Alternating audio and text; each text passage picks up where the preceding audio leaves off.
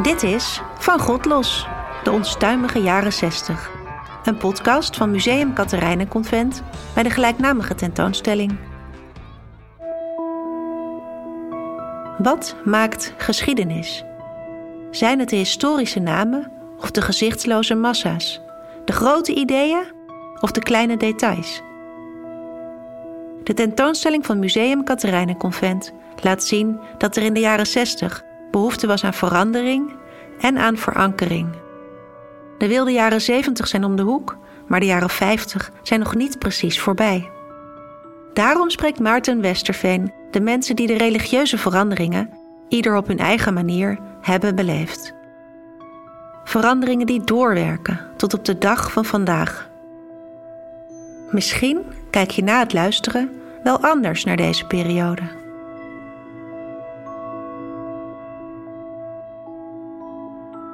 We zagen in de vorige afleveringen de ruk naar links en de reacties die dat opleverde. En we hoorden van grootse sociale ontwikkelingen bevochten op de vierkante centimeter. In deze aflevering kijken we naar het oudste instituut van Nederland, de Rooms-Katholieke Kerk. Het was er al ver voor de eerste rood-wit-blauwe vlag werd gehesen, heeft alles van de beeldenstorm tot de bezetting doorstaan, maar zou in de jaren 60 ongekend vreemde jaren meemaken. Veel minder gewelddadig, maar daarom niet minder ingrijpend. In deze aflevering spreek ik drie mensen die op volkomen verschillende wijze hun plek proberen te vinden binnen de eeuwenoude marges van de moederkerk. Joy van der Werf, Wiebe Fransen en Ton van Erp.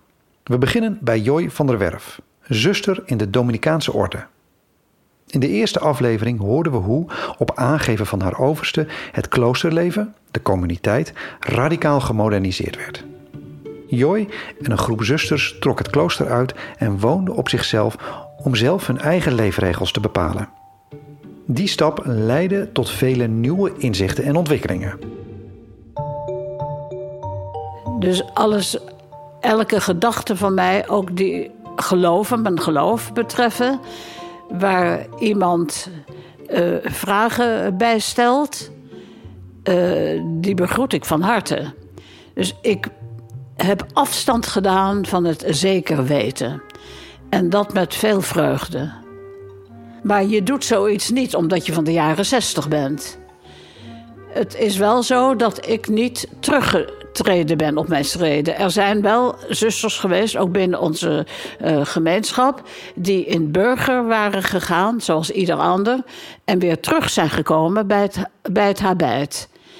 Voor mij is dat uh, ondenkbaar. Uh, ik raak meer kwijt, dus ook aan zekerheden. Ik heb ze eigenlijk niet meer.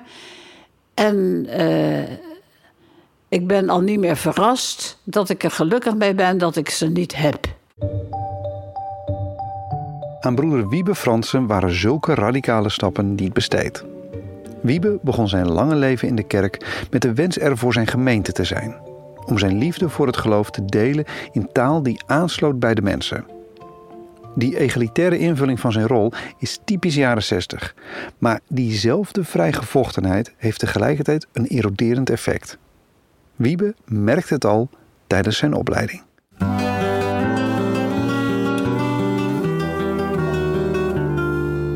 Het begint dan met klasgenoten en een heleboel anderen die uh, uittreden. Hè? Er zijn ontzettend veel mensen uh, hebben het arbeid aan de kapstok gehangen, om het zo maar te zeggen. We zijn uh, nu met z'n vijf, we waren met z'n zeven als klas die gewijd is. Twee zijn overleden. Maar van de vijf zijn drie zijn eruit. Toen vertelden twee minstens dat ze, ja, dat ze een relatie eh, aanknoopten en zo. Nou, dat, dat, dat, deed me wel wat. Dat eigenlijk na zo'n korte tijd... Uh, dat mensen dan zeggen van ja, het, het, het hoeft voor mij niet meer. Hè? Het, uh, ik, ik, vond het toch een beetje een, het, schip verlaten. Ja, ja. Er werd ook gezegd, ja, de besten gaan weg. Zo van, nou goed, de kneusjes die blijven. Het schep stond met de water. Wat belazerd. Ja, er gingen hele, hele goede lui uh, weg, maar er bleven, bleven ook goede lui. Ik was wel uh, traditioneel ingesteld, dat kan je wel zeggen. Uh, maar ik heb ook, toen ik op studie in de theologie in Nijmegen, heb ik ook gezegd, ja, we moeten meer nadruk leggen op, op bepaalde terreinen.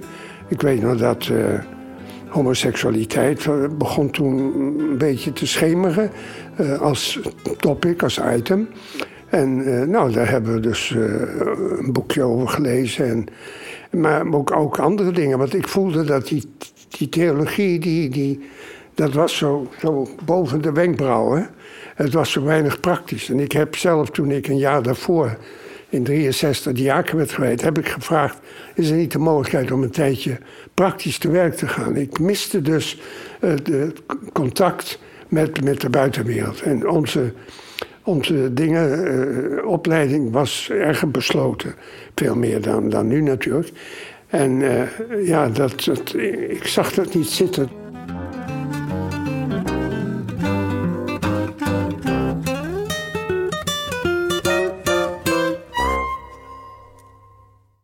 Voor de leken, de mensen die geen habit hadden om aan de kapstok te hangen, bracht de nieuwe tijd nieuwe mogelijkheden van geloofsexpressie. In een poging de kerk te vernieuwen werden nieuwe vormen aangemoedigd. Met als resultaat de beatmis. Diensten met muziek en teksten die de jongeren voor de kerk moesten behouden. Ik zit met Ton van Erp, gepensioneerd leraar, maar vooral dirigent van een van de eerste beatmiskoren. Tons opvoeding was niet bijzonder opbouwend geweest en het was pas in de kerk dat hij zijn eigen potentie leerde inzien. Ik zou onderwijzer worden. En dan in het jaar 60 ging ik als 17-jarig jongetje naar de kweekschool. En helemaal niet wetend wat op me af zou komen. Blanco ging ik daar naartoe. Maar die vijf jaar hebben wel, mij wel gevormd. Soms ook een beetje misvormd. En midden in de jaren zestig begon, begon eigenlijk voor mij het leven met muziek.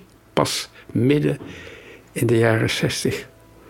Want ik heb vijf jaar muziekles daar gehad. Eigenlijk was het leefde ik in de naslip van een persoonlijk, groot persoonlijk drama in de jaren zestig. En nou ga ik u iets zeggen. Misschien schrik je daarvan. Maar toen ik met de muziek begon, ontdekte ik dat ik wat kon. En toen werd mij gevraagd: kun jij een koor beginnen? Want dat ging zo in die tijd ik wilde onderwijzer worden en de onderwijzer. De onderwijzer werd benoemd door de pastoor. En toen dacht ik, nou, ik was toen nog ja, een beetje ingebed in de parochie. En toen kwam de pastoor bij mij die zei: Ton, je bent op de kweekschool, muziek en zo. Zou je niet een jongerenkoor kunnen beginnen? Voor Joy en haar communiteitsgroep was het leven buiten de kloostermuren bevrijdend. Oude regels werden afgeschaft en er was ruimte om over nieuwe na te denken. Voor Joy werkte die bevrijding niet alleen in strikt religieuze manieren uit.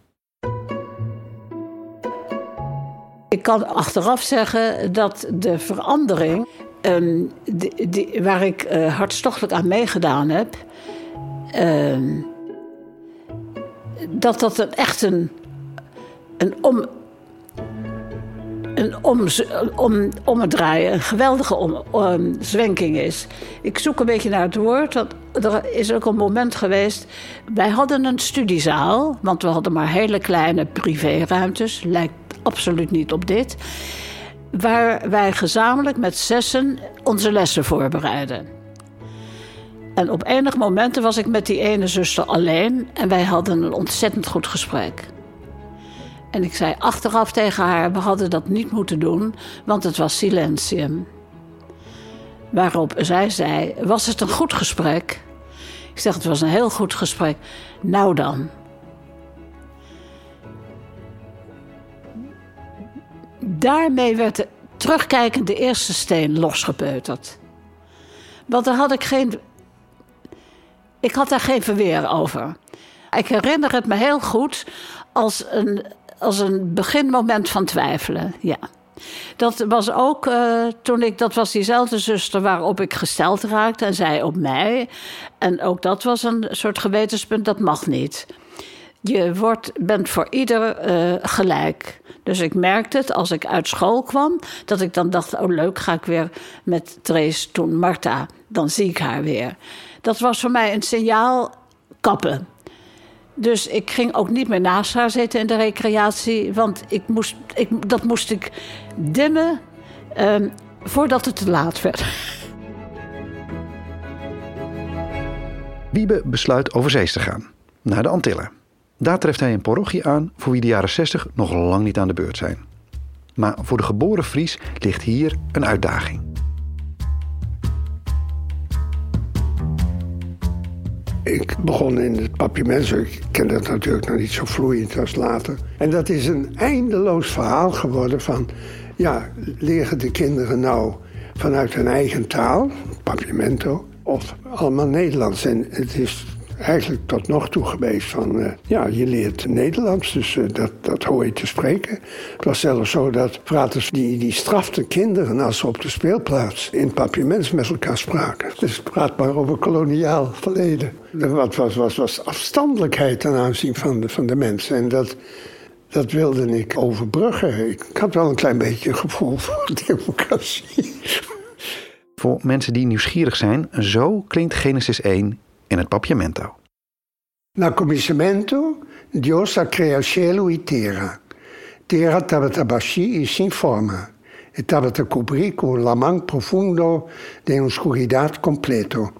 Spirito di Dios tabata movere bij Awa. De zelfverklaarde behouden katholiek is meer een kind van zijn tijd dan hij misschien zelf vermoedde. Want het blijft niet alleen bij de emancipatie van de volkstaal. Wiebe probeert de parochieraad met verkiezingen te democratiseren en neemt het zelfs voor diezelfde parochianen op tegen de bisschop. Ik heb op een gegeven moment ook de bisschop aangesproken met... Uh, ja, hij leende nogal gemakkelijk. Niet, niet voor, om mijn eigen zak te steken, maar dat gebruikt hij dan weer elders. Ik zei, ja, maar er was namelijk een sociëteit voor uh, begrafenissen. Nou, de mensen betaalden uh, regelmatig een klein bedragje ieder jaar... En nou, dat was een aardig bedrag geworden. Toen uh, ik zei, nee, monsieur, dat, dat, dat kan niet. Je kunt niet uh, dat geld allemaal voor elders gebruiken. Het is van hier, weet je wel. Dus ik zei, dat, dat, dat gaat niet door. ja, ik, nou, ik vond het niet leuk.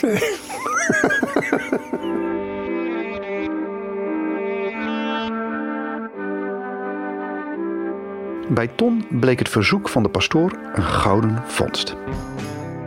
In een mum van tijd hadden we een heleboel jonge mensen. Want we werden allemaal uitgenodigd. Jongens, kom maar. Ik, ik had, was een man van bravoer aan het worden. Ik ging uh, met de groep aan de slag. En ik begon ook muziek te schrijven. En dat ga ik ook gewoon doen. Koortjes maken. Toen begon ik ook mijn eigen muziek te schrijven. Want er was weinig. Ja, we, wij waren nog in die hele oude modus, hele oude modus. Niet dat ik er, als ik in de mis was, begreep ik de meeste dingen niet. Want het wordt een geweldig beroep gedaan op je reden, en, maar zo weinig op je gevoel. En ik zat boordevol gevoel. Ik ben begonnen midden jaar uh, 60 met een groepje op de Dennisstraat in Nijmegen. Nehees Neerbos. En dat waren nog heel eenvoudige uh, liedjes van Huub Poosterhuis. En die vond ik overigens de beste begrijpbare. Want de, meeste eh, teksten daar, uh, die gingen zo hoog boven mij heen. En, en zo buiten mijn gevoel.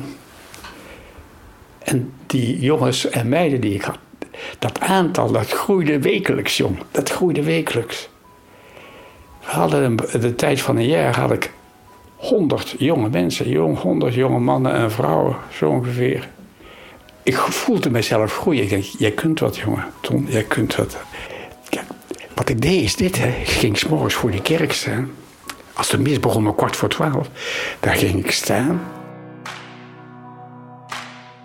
Helemaal vooraan. En ik, kan, ik ben een man van heel wijdse gebaren. Dat ontdekte ik wat ik, wat ik daarmee kon doen. Ik, ik kon gewoon helemaal de hele kerk ineens laten opstaan. Zo. Met een glimlach.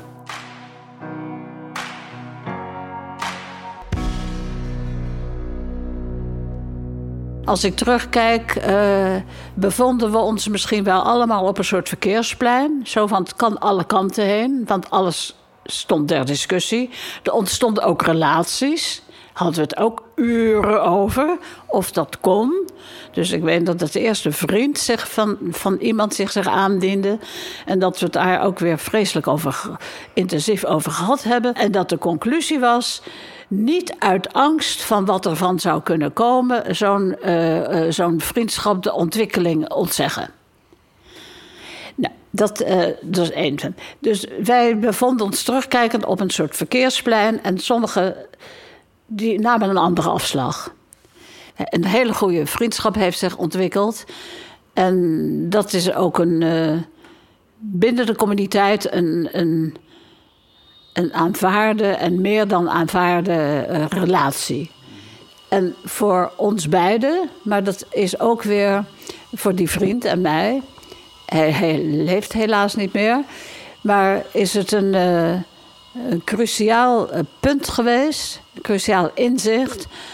Als uh, de communiteit of de orde, de congregatie, zo'n relatie met een vriend, en voor hem dus een vriendin, niet aan kan. Dan zou dat consequentie kunnen hebben. A, dat we die relatie verbreken. Andere uh, consequentie zou kunnen zijn dat we uittreden. Dus uh, ook dat ben ik me sterk bewust geweest. Als ik het kan combineren, betekent het nog niet dat een gemeenschap als geheel uh, dat kan aanvaarden. Zo'n uh, dubbel verbond, zal ik maar zeggen. Voor Wiebe waren de lange jaren op de Antillen zowel een voor- als een nadeel. Hij had de tijd en ruimte om nieuwe dingen te organiseren en te proberen. Tegelijkertijd bleven de eilanden de radicaliteit van de Nederlandse jaren 60 bespaard. Eenmaal terug in Nederland voelde het alsof hij op een vreemde planeet was geland. Toen ik terugkwam, zei ik, wat is er hier gebeurd? Ik wist het wel, maar toen, eenmaal hier wonende en meer contact met je familie en met, met de mensen en met het, het geheel, de hele cultuur. Eerst, eerst snoepte ik er wat van en dan ging ik weer weg naar het vertrouwde eiland. Maar ja, dat die secularisatie, dat die zo diep doorgedrongen is tot in mijn eigen broers en zussen toe. Ja, daar had ik, daar had ik en heb ik nog wel eens uh, dat ik zeg, ja, hoe, waarom is dat nou? Wat, wat, wat, wat, wat is er nou tegen? Gelovig te zijn. Ondertussen was Tons Beatmis zo'n groot succes dat zelfs het hoofdkantoor in Rome er hoogte van kreeg. Ik ben naar Rome gegaan, ik ben ontboden door de paus. Ja, die heeft nog over mij geschreven van... Ton, dat doen wij niet hier. Hè? Wij gaan niet met een gitaartje de kerk in. Dat doen wij niet. Wij zijn dus op privé-audiëntie ben ik geweest met een... Nou, hij heet privé-audiëntie. Schoon met een aantal... Eh, de ambassadeur, weet ik wat. Maar ik stond er ook bij. Dus hij, op een gegeven moment komt hij bij mij. En ik had een bandje gemaakt, een tapeje. En uh, ja, ik zeg, ja, god, we zijn een jonge club. En daar zaten ze ik durfde niet te zeggen wat ze zongen. mag ik wel even off the record zeggen. Sint Pieter, of all places, Sint Pieter. En die pastor die keek mij zo aan. Ik zeg, nou, wij maken muziek een beetje. Na het Tweede uh, het Vaticaanse Concilie, gewoon nieuwe wegen gezocht. En, ik had een mooi verhaaltje bedacht in het Engels. En uh, toen zei hij, uh, oh, in het Engels. Ik zal het beluisteren. Ja, ik, ik, had verwacht dat hij toch wat meer zou willen, maar ik zal het beluisteren. Maar ik zei, ja, kijk, jonge mensen die willen dat allemaal. Nieuwe elan. Ik, ik, ik, probeer het toch een beetje aardig te brengen. En toen waren wij een week thuis. En toen kregen wij een missie, eh, missieve. ook in de krant. Gitaren en alles, de schelle muziek, moet uit de kerk. Toen dacht ik, mooi niet meneer, dat doen we niet meer. Die tijd is voorbij. Dus we zijn gewoon doorgegaan.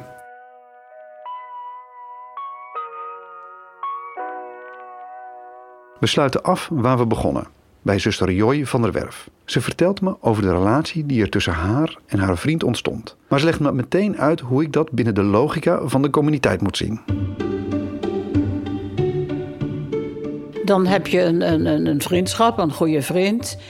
Maar voor daar welke vorm van intimiteit ook van jezelf mag, dan ben je, zeg maar, voor de eerste echte zoen zeven jaar verder.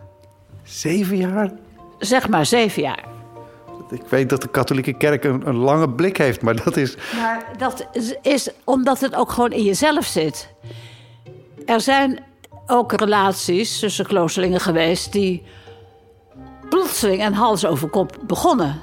Maar u weet toch ook uit eigen ervaring of uit ervaringen van anderen dat de relaties soms groeien. En van een vriendschappelijke relatie een liefdesrelatie worden. Dat gebeurt soms bij verrassing. Help, ik ben verliefd. Uh, en wat nu? Maar dat is bij mij niet zo gegaan. En dan weet ik dat het bij mij niet zo gegaan is. Maar het had ook anders kunnen zijn. Ik denk dat het veel lastiger was geweest. Een vriendschapsrelatie, ook doordat we samenwerkten, die groeit. En toen was er toch weer die stem van die zuster die zei: Nou en? Dus dat is allemaal van wanneer begon dat nou? Wanneer begon er iets te wankelen? Dan op zo'n moment herinnerde ik mij, en blijf mij dus herinneren, anders kon ik het nu niet vertellen, dat haar antwoord op mijn opmerking: dit hadden we niet moeten doen. Dan weet ik pas veel later dat dat een cruciaal antwoord is geweest. Want het had ook kunnen zijn dat ik het had gehoord, dat ik dacht: nou, nou mooi ben ik het niet mee eens. En dat ik niet veranderd was. En waardoor een verandering komt in een mens, dat is een geheim. Ja, dat is een geheim.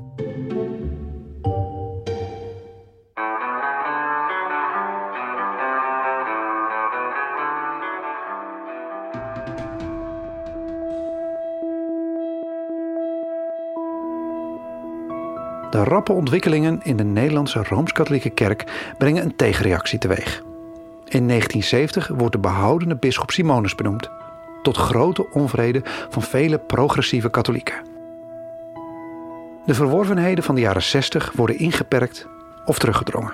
Maar wat blijft is een andere manier van geloven. God treft men na de jaren 60 minder en minder in grote georganiseerde collectieven, maar meer en meer in de individuele beleving van gelovigen. We hebben het ook in vorige afleveringen gezien. In het ontluikend activisme van studenten en gelovigen.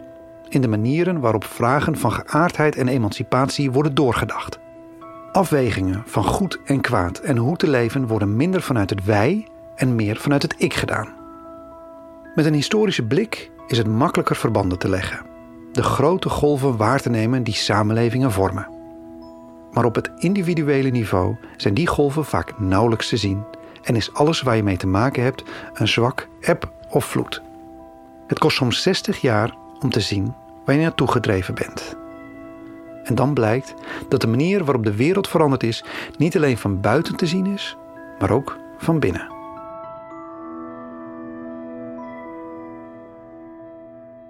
Je kunt het zo doen, maar je kunt het ook zo doen. En het is bijna hetzelfde akkoord. Je kunt het zo doen, maar je kunt ook zo doen. Hetzelfde akkoord. Of zo. En dit akkoord spreekt tot het hart.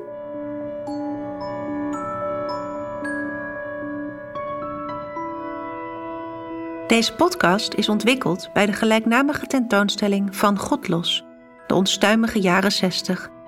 Een productie van Studio Popcorn in opdracht van Museum Convent.